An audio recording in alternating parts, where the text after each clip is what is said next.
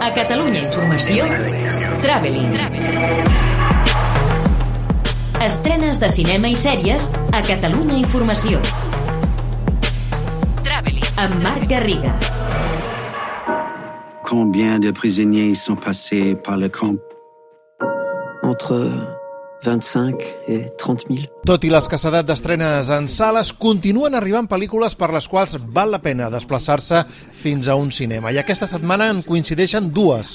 La primera és la fantàstica El professor de Persa, un film que explica l'extraordinària història d'un pres d'un camp de concentració nazi que salva la vida convertint-se en mestre de farsi, tot i que ell desconeix completament aquesta llengua. Per tant, ha d'inventar-se una altra llengua absolutament nova i que soni real. Així pot acontentar el capità del camp que quan acabi la guerra vol obrir un restaurant a Teheran. El protagonista l'interpreta Nahuel Pérez Vizcayart, que ha passat aquesta setmana per la finestra indiscreta de Catalunya Ràdio. Mi personaje es un muy buen actor que no se relaja ni un segundo. Y todo lo que al oficial le haga, le haga feliz, todo lo que le haga sentir bien, él lo va a hacer porque es básicamente su única manera de sobrevivir. Por eso es tan agotador, ¿no? Y en un momento el personaje dice, estoy cansado del miedo, estoy cansado de fingir.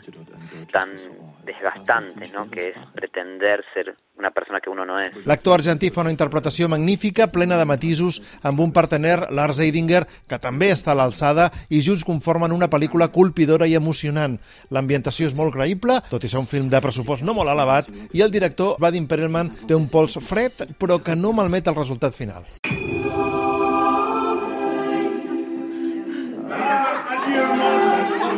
Det klar?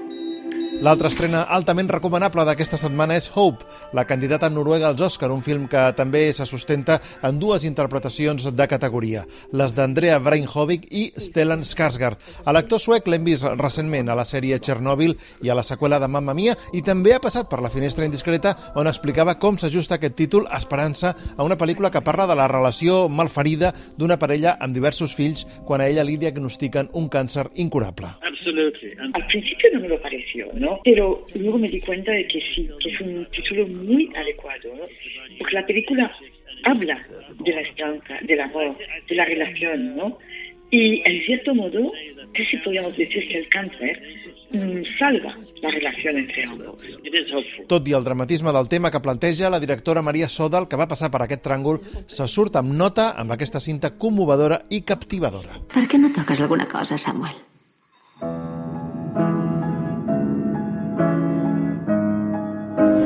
També arriba a la cartellera La maledicció de Lake Manor, un film de terror gòtic que, tot i la seva previsibilitat, és prou intrigant. El seu director, l'italià Roberto De Feo, n'ha parlat a Catalunya Informació. La maledicció de Lake Manor és, de fet, una història sobre el confinament. Primer, l'espectador creu que només el Samuel és l'únic personatge forçat a quedar-se dins la casa. Després, durant la pel·lícula, ja entens que la resta també ho estan. Òbviament, a mi m'encanten pel·lícules com Los Otros o El Bosque, que han estat les dues referències més importants durant el procés de creació de l'univers de la maledicció de Lake Manor. the creation of the universe uh, of the nest. Completen la cartellera el documental Fellini de los Espíritus, al voltant de la passió del director italià per l'esoterisme, i el film infantil juvenil Caçadors de Bruixes, sobre com un nen de 10 anys amb paràlisi cerebral aconsegueix superar moltes de les seves inseguretats gràcies a la seva imaginació. A plataformes destaquen la cinta de terror Mamá te quiere, un thriller amb Sarah Paulson sobre una noia a qui la vida li fa un tom quan descobreix un fosc secret del passat de la seva mare. A Movistar Plus i el film indi Tigre Blanco, una cinta dramàtica amb cert humor negre sobre com escalar socialment a l'Índia, disponible a Netflix, tots dos des del dia 22. Magic lives in the very fabric of nature. Netflix vol crear un nou fenomen amb la sèrie Destino, la saga Wings, la primera adaptació d'acció real de les fades de la sèrie italiana d'animació Wings Club, que ja té molts adeptes i que aquí van estudiar a un castell molt estil Hogwarts. La gran decepció de la setmana és, però, Tres Caminos, que narra com cinc joves es fan amics fent el camí de Sant Jaume i repeteixen dos cops més. Per tant, mostra com evolucionen els seus personatges, les seves relacions, molt encartronada, només apta per a fans irreductibles del Camino.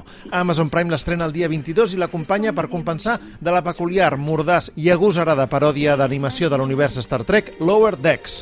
Dos dies després, el 24 arriba a Stars Play El Infiltrado, un thriller d'espionatge, i el 26 Filmin estrena La irregular, l'última base, protagonitzada, això sí, per una de les actrius del moment, Jessie Buckley, un drama sobre colonialisme ubicat als anys 60.